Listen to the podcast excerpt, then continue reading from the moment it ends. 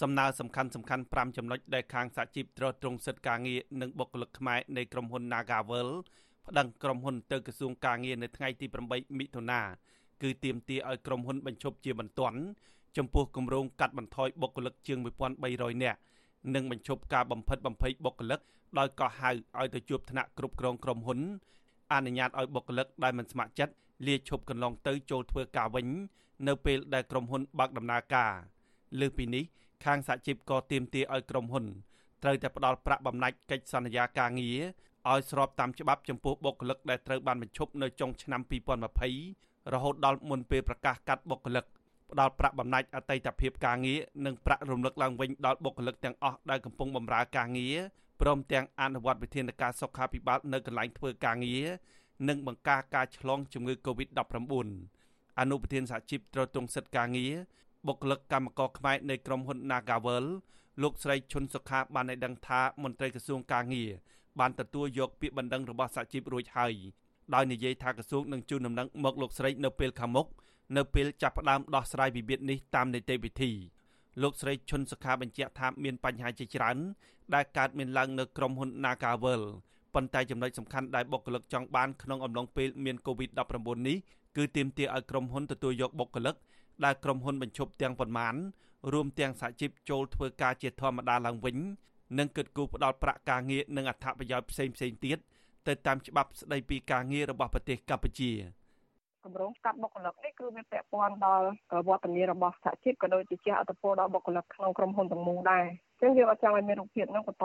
កើតមានទេហើយចំណុចទាំង5ហ្នឹងគឺសុទ្ធតែជាចំណុចមួយដែលសំខាន់ទាំងអស់ដែលយើងជាក់ស្ដែងដំណើរយើងមានច្រើនតែយើងចម្រាញ់យកតែអ្វីដែលជាចម្បងដែលយើងដាក់មកហ្នឹងគឺបានតែ5ចំណុចហ្នឹងហើយ5ចំណុចហ្នឹងគឺសុទ្ធតែជា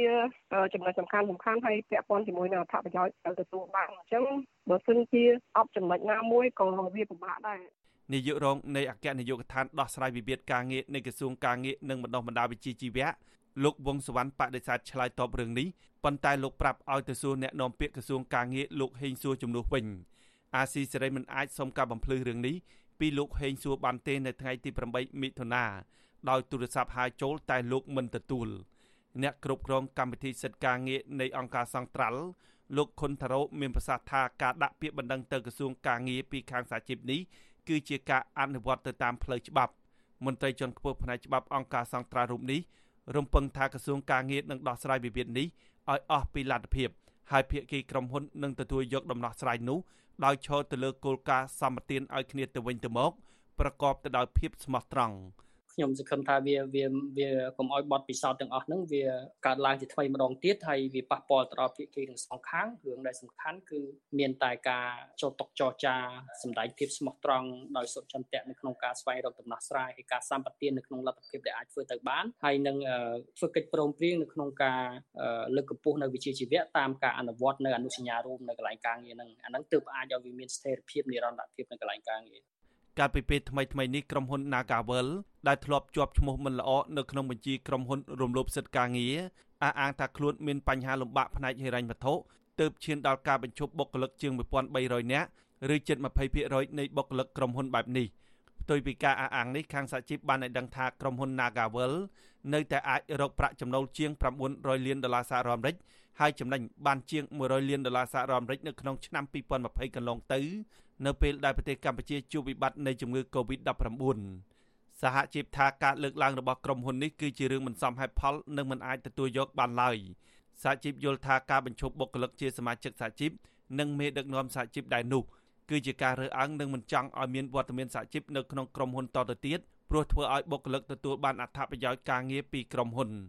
អាស៊ីសេរីមិនអាចសុំការឆ្លើយតបរឿងទៀមទីលក្ខខណ្ឌការងាររបស់សហជីពនេះពីប្រធានប្រតិបត្តិបុគ្គលិកក្រុមហ៊ុន Nagavel លោកម៉ៃងៃបានទេដោយលេខទូរស័ព្ទរបស់លោកមិនអាចតាក់ទងបានក្រុមបុគ្គលិកនិងសហជីព Nagavel សង្ឃឹមថាក្រសួងការងារនឹងចោះធ្វើកិច្ចអន្តរាគមន៍ដល់ក្រុមហ៊ុន Nagavel ដើម្បីបញ្ឈប់គម្រោងកាត់បុគ្គលិកពីការងារហើយផ្ដល់ប្រាក់អតីតភាពការងារដែលបានពន្យាពេលកន្លងមកឲ្យកម្មករនិយោជិកនៅពេលនេះ ដើម្បីដោះស្រាយបញ្ហាជីវភាពខ្វះខាតក្នុងវិបត្តិ COVID-19 ខ្ញុំបាទហេងរស្មី អាស៊ីសេរីពីរដ្ឋធានី Washington